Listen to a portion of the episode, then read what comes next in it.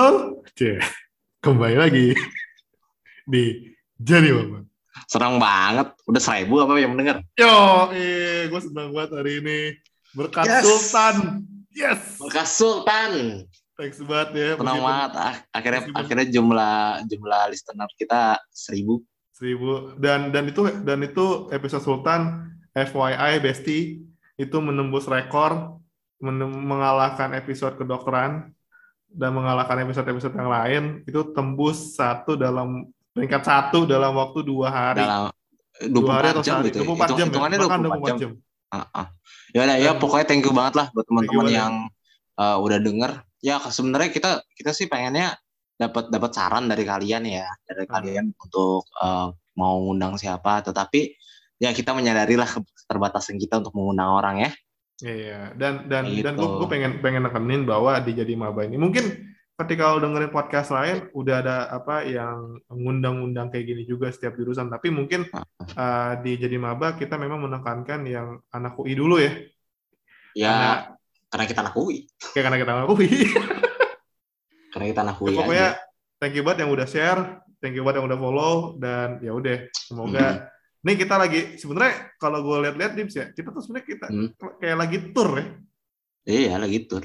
gitu karena target Udah kita UI. tuh semua anak UI eh, jurusannya dan itu ada 64 jurusan Ya berarti ya masih banyak lah jurusan. masih banyak ya masih Ya banyak kalau UI doang aja masih banyak banget gitu. nah, belum lagi ntar Belum fakultas vokasi, ya. belum jurusan-jurusan yang mungkin mungkin nggak ada di UI gitu. gitu. Tapi ya sekali lagi ini bukan podcast anak UI biarpun dua-duanya. Hmm. Ya tapi ya kita kita memanfaatkan yang ada dulu aja. Ya mungkin nanti teman-teman ada yang ada yang apa? Ada yang mau kayak gitu-gitu.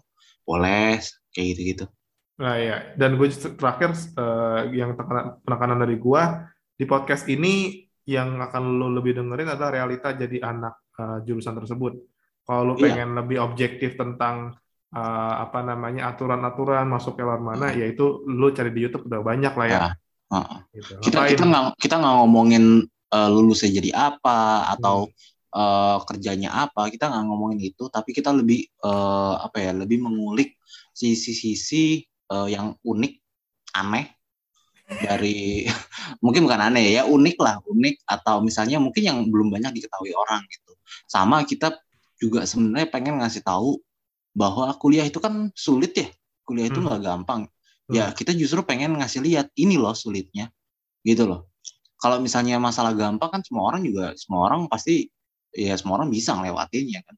Tapi kalau misalnya eh, kesulitan belum tentu. Jadi jadi lo jadi paling tidak lo punya semua paling nggak lo punya semua sisi ketika lo memilih untuk eh, masuk satu jurusan kayak gitu. Jangan sampai eh, lo jadinya malah eh, menyia-nyiakan kesempatan untuk kuliah di jurusan tertentu eh, terus ujung-ujungnya lo pindah jurusan atau mungkin atau yang lebih buruk deh misalnya kayak gitu. Kita pengen kita pengen eh, ngas- coba untuk ngasih perspektif itu. Karena karena kita eh, beberapa jurusan yang kemarin tuh kita kebanyakan ngomongin susahnya ya Dev, ya. iya iya. Sama lucunya udah. Betul. Susahnya sama lucunya doang. Dan hari ini kita udah kedatangan eh, seorang bintang tamu, Ya. eh, anak rantau, perempuan, ya, yang pasti tertarik banget. Terakhir kali kita ngundang yang ngerantau tuh eh, cowok, sekarang kita cewek, yaitu Ah. cowok itu Anes ya, dan itu dari Anes Papua. dari kedokteran Ya, kedokteran dari Papua Dari jauh Papua. banget gitu. Dan yang ini dari Tegal, ya, dari Pulau Jawa, sebuah Hmm. jurusan yang gue jadi inget ini, gue jadi inget jurusannya Tretan Muslim nih, Hmm, keperawatan. Data muslim keperawatan dari Dan- dan- fakultas ilmu keperawatan keperawatan dan sangat relate sebenarnya di era pandemi sekarang. Pastinya lo eh, banyak banget berseliweran stigma-stigma tentang anak keperawatan ya. yang sering diomelin lah. Nah itu apa pun itu kita akan kepoin hari ini. Dari sini udah ada Areta. Halo Tak Halo. Halo, halo Reta. Nah, tak sebelum sebelum kita mulai nih eh, ngobrol-ngobrolnya, gue biasanya tuh akan ngasih tentang eh, profil, profil dari eh, jurusan. Nah, gue bacain dulu ya sebentar ya. Oke, Nah. oke. Gue eh, jurusan ilmu keperawatan UI, akreditasinya A. daya tampungnya tahun 2021 untuk ini untuk reguler ya catatan lagi uh, itu sekitar 154 orang uh, dengan rincian senam PTN 30 orang, UTBK 47 orang, Mandiri atau SIMAK itu 77 orang. Jumlah pendaftar tahun 2020 itu 3.454 orang. Uh, dengan rincian senam PTN 370 orang, UTBK 707 orang, dan Mandiri 2.377 orang. Daya saingnya itu total sekitar 18 persen, uh, senam PTN-nya itu 8,11 persen, UTBK 6,65 persen, Mandiri 3,24 persen. Kalau dihitung-hitung, ini uh, sebenarnya uh, masuk ke tier tengah sebenarnya kalau kalau dihitung dari daya saing atau dari pendaftar kayak gitu. Cuma memang uh, daya tampung ini selalu berubah-ubah dan daya tampungnya termasuk yang paling besar karena di satu satu fakultas satu jurusan. Nah, tapi untuk selanjutnya kita kita mungkin akan tanya Nareta. Nareta, nah, ya. Reta, nah, Reta, ya. dia minta dipanggil Reta. Oke, okay. uh, eh, kalau boleh tahu, lo masuk jurusan eh masuk uh, ke perawatan mm -hmm. uh, itu lo lewat jalur apa? SBM. SBM PTN. Senam PTN-nya lo milik perawatan juga? Kalau SNM, gue nggak dapat SNM. Hmm, tapi tapi milihnya keperawatan. Uh, kalau waktu itu di sekolah gue tuh cuman diambil 30% dan beberapa hanya beberapa orang yang bisa daftar SNM. Jadi yang nggak bisa daftar SNM dia nggak bisa milih oh, jurusan gitu. Berarti berarti berarti nggak masuk eligible ya? Berarti ya, intinya oh ya oke oke lewat lewat SBM atau UTBK. Nah, ya. aku mau nanya, lu dulu uh, ketika mau milih keperawatan uh, dulu lo proses milihnya tuh gimana? Sampai lo menetapkan pilihan lo oke okay, gue akan uh, uh, lewat SBM gue akan milih jurusan uh, keperawatan. Iya. Nah itu pilihan keberapa? Sorry kalau boleh tahu. Pilihan pertama? Pilihan pertama. Pilihan kedua lo apa? Keperawatan juga tapi beda oh, univ oh beda univ keperawatan iya. tuh keperawatan tuh ada berapa di di di lima lima besar kampus tuh ada semua nggak sih? Uh, di kayak, UGM kayak, ada. Uh, mm -mm. Di Unpad, Unair ada. Oh iya, yeah. soalnya soalnya gue kurang tahu nih benar-benar kurang tahu. Makanya hmm. tapi tapi tapi karena gue gue kurang tahu makanya gue tanya semua nih malu. Nah yeah. itu itu ketika misalnya lo sama orang tua bilang pengen masuk ke perawatan, reaksi orang tua gimana? Mm -mm reaksi orang tua yang ngedukung oh ya yang penting hmm. uh, kamu tahu apa yang kamu pengenin gitu hmm. ngedukung aja sih nah lo pas uh, pas lo mulai persiapan lah ya mulai persiapan SBM hmm. PTN lo ngulik-ngulik nggak sih kayak uh, daya saingnya keperawatan itu berapa terus jumlah pendaftar berapa lo ngulik-ngulik nggak sih ya waktu itu pakainya apa grade ya grading ya? Iya ada yang uh, uh, passing grade. Iya gue eh passing grade. Ya gue cari-cari juga passing grade-nya berapa di univ ini di hmm. univ A B C gitu. Sama daya saingnya juga. Hmm. terus lo memilih ke, uh, keperawatan itu hmm. kenapa? Kenapa lo kenapa alasan lo untuk milih keperawatan itu? Apa karena karena memang lo gue nggak tahu memang memang senang senang sama dunia kesehatan kah atau gimana? Hmm. Oke, jadi awalnya pengen ke perawatan tuh uh, sebenarnya tuh gue waktu pas sekolah itu lebih milih ke uh, lebih fokusin ke kedinasan. Ya, tapi itu uh, waktu itu uh, apa nyokap gue minta ikut SBM aja. Nah, ikut SBM tuh gue aduh jurusan apa ya. Nah, tapi tuh ada suatu ketika gue ngelihat TV show gitu di mana uh, peran perawat ini uh, sangat dibutuhkan uh, kepada orang-orang yang lagi sakit gitu, lagi uh, butuh pertolongan. Jadi dari situ gue terinspirasi buat jadi perawat. Nah selain itu juga uh, eyang gue uh, ada riwayat stroke dan juga uh, kanker. Jadinya gue makin pengen jadi perawat biar uh, kondisi uh, ngestabilin kondisi eyang-eyang gue gitu. Kayak hmm. Oke, okay, oke. Okay. Pengalaman.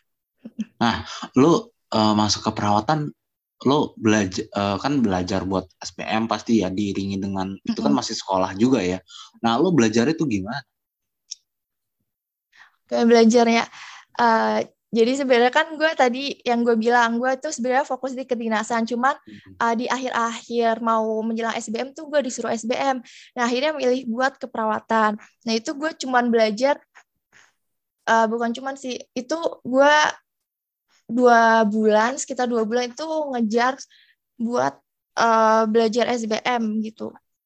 Untuk oh, tapi hmm?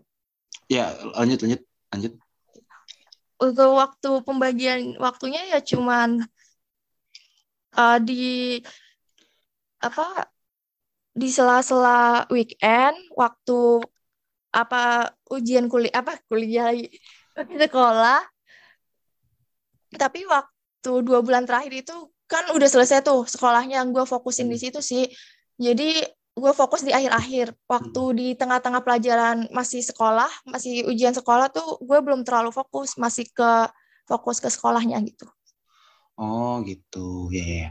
oke okay. nah uh, berat tapi tapi uh, lo belajar dua bulan intensif itu uh, karena karena memang pertama udah kelar terus kedua karena sebenarnya juga lo udah terbantu kan karena lo sebelumnya juga belajar untuk kedinasan kayak gitu ya hmm, iya betul jadi untuk TPA jadi gue udah kebantu dari awal gitu Hmm, oke. Okay. Iya. Jadi soalnya soalnya sering banget nih kalau di Twitter atau di mm-hmm. internet kayak gitu-gitu sering banget tuh di manifest manifest tuh ngomong gini.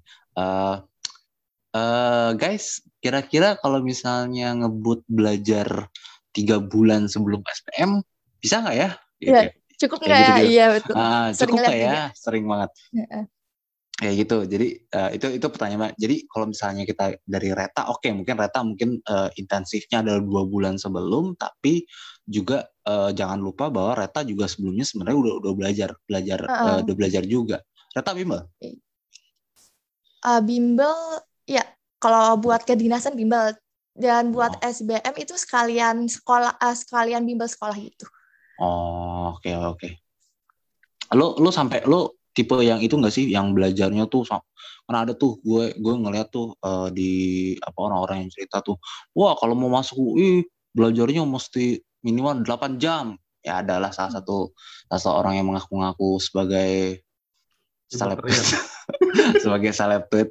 Uh, orang yang mengaku itu gue belajar 8 jam gak berhenti soal ngerjain soal gue nggak tahu sih ya dia keterima UI sih cuman cuman cuman bener nggak sih hmm. maksudnya uh, lu belajarnya juga sekeras itu gak sih? Agak harus ya, sehari, yang penting uh. nggak harus 8 jam, yang penting kita punya target. Misal hmm. uh, satu hari tuh ngerjain beberapa soal gitu aja sebenarnya udah hmm. cukup. Nggak hmm. pasti di push gitu sih kalau gua. Oh. Jadi lo orientasinya tuh target ya, bukan orientasi waktu ya? Iya. Oh. Kalau misalnya SBM gitu, lo ada sesi konsultasi sama guru BK nggak sih?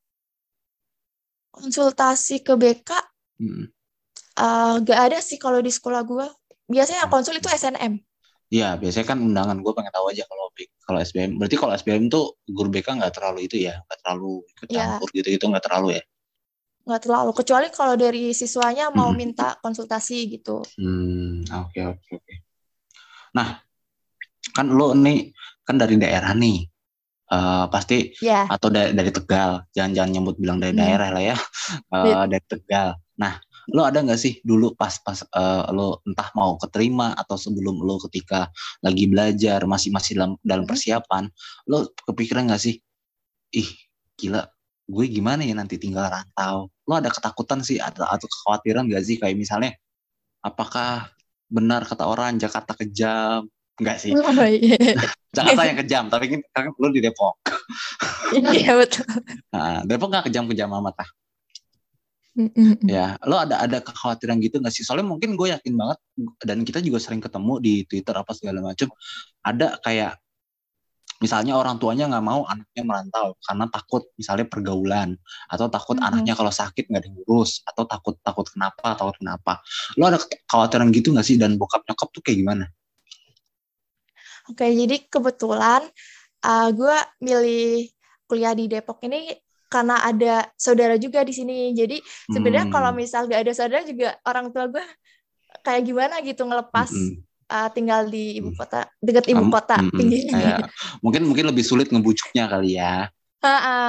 Mm-mm. Iya, tapi kebetulan ini di sini ada saudara, jadi uh, gue nggak ngekos kak, langsung gitu. apa ah, tinggal sama saudara di sini, Oh, nggak Lo- pure lan, bener-bener rantau gitu. oke oke. Nah, lu itu kan bentar, dari bentar. Gue gue penasaran juga. Eh, lo ini anak tunggal apa anak berapa nih, Tak? Anak pertama dari tiga bersaudara. Ah, anak pertama. Nah, itu maksud gue ada nggak sih yang lo rasain eh, dilema, lo merasain perasaan orang tua lo betapa apa namanya, aduh gila, ibu kota nih coy, gitu. Iya. Nah, itu gimana tuh Iya. pada waktu itu Nah, momennya? ap- iya, apalagi apalagi dia adalah anak pertama. Ya mungkin dari keluarganya yang merantau dia yang pertama gitu ya. Iya. Ya gitu. Gimana? Jadi, uh, apa tadi perasaan ya?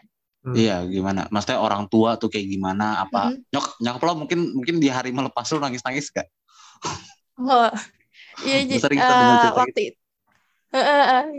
Jadi kan mereka nganterin ke sini ke rumah tante. Kan Mm-mm. gue kan nanti bakal tinggal sama tante. Terus sempat nginep sehari. Abis itu Hmm. kan besoknya langsung pulang. Dan di situ Hmm. kayak ya udah apa udah lepas gitu loh. Eh, sedih sih. kan tetap ya biarpun sama tante kan ya namanya, namanya bukan nikah sama orang tua ya pasti ada bedanya Iya. lo terus tapi lo eh, ngerasainnya kayak gimana sih? Maksudnya kayak apakah ketika lo ketemu lo kan sempat sempat offline ya berarti ya? Singkat berarti kalau kalau Iya. 2019 ya? Ya, lo- sempet. ada ngerasain eh, shock culture nggak sih? Atau ketika misalnya ketemu sama misalnya teman-teman atau eh, anak-anak mahasiswa yang mungkin memang tinggal di Jakarta gitu anak memang anak Jakarta anak Jaksel gitu atau yang ngomongnya sudah which is gitu kayak gitu, gitu. Iya, iya. lo sempat ada sempat ada kayak eh, shock culture atau atau kekagetan sendiri nggak sih Kalau shock culture sendiri, kalau yang gue alamin, gue Hmm. nggak terlalu ngalamin sih. Cuma Hmm. tuh pernah nih, eh, kan kenal-kenalan. Ini, eh Mm-mm. kamu dari mana? Kamu dari mana? Lu dari mana? Gitu. Terus dari Tegal. Oh iya, coba dong ngomong bahasa Tegal. Kayak gitu. kan gue, "Hah, emang kenapa? Orang tinggal apa sih kayak kayaknya tuh eh, Tegal di mata mereka kayak lucu aja gitu ya buat Iya. apa bercandaan gitu. Iya iya. Uh, ta- Mungkin- mungkin- tapi sih di situ gue gak baper sih, enjoy aja. Eh, mungkin Tegal di pik- di kepala orang orang Jakarta ya, gue sih bilangnya orang Jakarta ya. Orang Jakarta mungkin kepikirannya bakal ngomongnya ngapak gitu kali ya. Iya, gitu. Eh orang Jakarta tolonglah, tolonglah orang Jakarta kalau kalian menganggap diri kalian paling maju tuh jangan suka jangan suka nanya-nanya begitu kenapa sih? Ada ada yang nanya nggak di Tegal ada mall nggak? Oh, uh, kalau itu sih gak ada sih, gak ada yang tanya Oh. gitu gitu. Kalau ada yang nanya gitu kelepak aja palanya. Iya, Ya, kelepak aja. Kenapa sih orang tuh tiap nanya ada daerah pas tahu orang daerah itu pasti deh pertanyaannya ada mall nggak di sana? Ih, otak lu mall doang. Oke, lanjut. Eh, berarti lo kan udah udah masuk nih, udah masuk eh, apa merantau gitu ya. Nah, kesulitan pertama lo tuh apa sih? Kesulitan pertama lo ketika lo merasakan merantau gitu, biarpun mungkin di, itu hidupnya di tempat saudara ya, tapi kan pasti ada perbedaannya. Hmm, sulit yang pertama ya karena terbiasa berapa 17 tahun sama orang tua terus tiba-tiba kepisah Mm-mm. kayak kadang-kadang uh, ini aku awal-awal tuh sebulan pulang dua bulan pulang pokoknya se- satu bulan sekali tuh pulang kayak gak pengen nggak siap gitu untuk Mm-mm. ninggalin orang tua itu Iya, itu iya. aja sih cuma perta- uh, kesulitan pertamanya itu Mm-mm. Nah, kalau misalnya kalau misalnya apa ya? Gue gue ngebayangin tuh eh, lu sebagai anak rantau ya pasti ada ketakutan. Nah, kalau misalnya ngatur uang, ngatur-ngatur gitu, lu ada kesulitan nggak? Karena mungkin kan kalau misalnya di rumah kan udah tinggal minta aja gitu. oh iya. Gimana? Sebenarnya sih kalau aku di sini eh, gak ada bedanya. Kalau makan Mm-mm. juga ikut tante, cuman eh, ada rasa nggak enak gitu, kayak eh, makan gratis, tidur gratis gitu, gitu sih. Gitu aja. Iya. Oke. Nah, eh, ketika lo maba nih, ketika maba Mm-mm. eh, mata kuliah pertama yang lo dapet tuh di semester semester awal itu apa aja? Lo dapet eh, biomedik dasar? Iya, dapat. Oh dapat, oke. Gimana tuh eh, pengalaman lo pertama kali di biomedik dasar ketika ke masuk Eh. ke kamar jenazah? Oh, oke. Jadi gue cerita dari ini aja ya, yang pelajaran awal semester. Ya boleh boleh. Nah, jadi gue tuh nggak tahu kalau misal semester 1 dan 2 eh, kita kuliahnya digabung sama lima fakultas di Hmm. satu gedung. Eh, Nah, gue tuh mm, baru dikasih tahu pas orientasi fakultas. Nah, Mm. jadi nanti eh, selama dua semester itu lima fakultas eh, punya matkul yang sama gitu, termasuk tadi IBD ilmu biomedik dasar. Eh, terus juga yang lainnya ada komunikasi kesehatan, etik dan hukum itu pokoknya eh, bareng-bareng semua tuh satu fakultas. Eh satu fakultas apa lima fakultas. Terus yang itu untuk ke kamar jenazah yang boleh ke kamar jenazah itu cuman dari kedokteran gigi dan juga kedokteran aja untuk farmasi sama FKM dan FIK itu nggak sampai masuk kamar jenazah. Oh nggak sampai masuk. Gue pikir lo bakal Mm. masuk. gue pakai pensem, Apa tuh? pentem. Jadi kayak tiruan manusia gitu yang ada Hmm. Oh. organ-organnya gitu-gitu. Oh kayak itu ya kayak misalnya di sekolah tuh eh, apa tiruan badan manusia gitu ya? Iya, Yang betul betul. yang jadi yang jadi yang biasa jadi pajangan doang itu nggak pernah nggak pernah dipakai juga.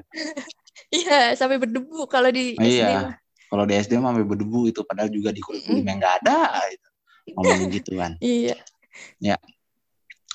Lo ketika itu kan mesti gini, gue gua gua di kepala gue adalah kan berarti lo eh, praktek juga kan, praktikum juga. Iya. Ada nggak sih lo atau teman-teman lo yang mungkin ternyata baru sadar kalau dia tuh fobia darah atau misalnya takut ngeliat Hmm. darah kayak gitu-gitu atau jijik ketika misalnya ya ya namanya namanya berhadapan dengan orang sakit ya orang sakit kan Iya. pasti kondisinya tuh tidak bagus kayak gitu-gitu nah Mm-mm. kalau lu tuh lu pernah ada perasaan gitu nggak sih ketika praktikum pertama lo gitu-gitu Jadi kalau gue sih agak ada fobia apa pun. Cuman ada nih Hmm. teman gue yang satu kelompok, Hmm. dia takut sama darah. Jadi waktu itu ada praktikum kayak cek golongan darah gitu. Nah, dia kayak harus ya, beberapa menit dibujuk baru mau disuntikin tuh tangannya diambil darah gitu. Hmm, gitu. Tapi tapi dia dia itu nggak selesai nggak kuliahnya? Ya, Gue pengen nanya dah. selesai. Iya kuliahnya sampai sekarang Oke. masih ngejalanin kuliah. Oh, Oke oke nggak gue pikir apa apa apa apakah ada gitu orang yang kemudian baru sadar dia bawa fobia darah atau takut takut Heeh. ngelihat takut jijik sama sama darah misalnya terus udah deh tahun depan pindah Terus keluar. pindah pindah pindah pindah deh gue pindah deh gue pindah gitu. Iya, Tapi- kalau tapi lu- gue sih Tapi nggak pernah denger nggak? Pernah denger kayak gitu nggak? Pernah nggak kejadian di angkatan berapa lah? Kayak gitu pernah nggak? Hmm, Kalau angkat di angkatan 2018 tuh nggak ada sih kejadian kayak gitu dan angkatan sebelum-sebelumnya juga gua nggak pernah dengar kayak gitu. Kalau dari gua nggak pernah dengar. sih. Hmm, Oke, berarti berarti kemungkinan yang masuk yang masuk eh, rumpun-rumpun ilmu kesehatan kayak kayak Mhm. kedokteran atau kedokteran gigi atau keperawatan gitu-gitu, memang pada dasarnya udah siap lah ya. Iya udah siap. ya. Oke Udah oke. kegambar lah praktek. Ah, ah. Nah balik lagi nih ke pas lu maba. Tadi kita belum belum belum kelar tuh yang mata kuliah apa aja yang yang lu dapet. Oh oh iya. Tadi mata kuliah yang gue dapat tadi IBD ilmu biomedik dasar, komunikasi kesehatan, etik etik dan hukum. Terus yang bareng-bareng lagi kolaborasi kesehatan. Itu sih yang uh, matkul awal-awal yang bareng sama lima fakultas. Mm-mm. Terus kalau Terus Mm-mm. ya, yang terus mulai yang mulai fakultas ah yang mulai keperawatannya sendiri itu di semester 3. Hmm, nah itu itu dapetnya apa tuh?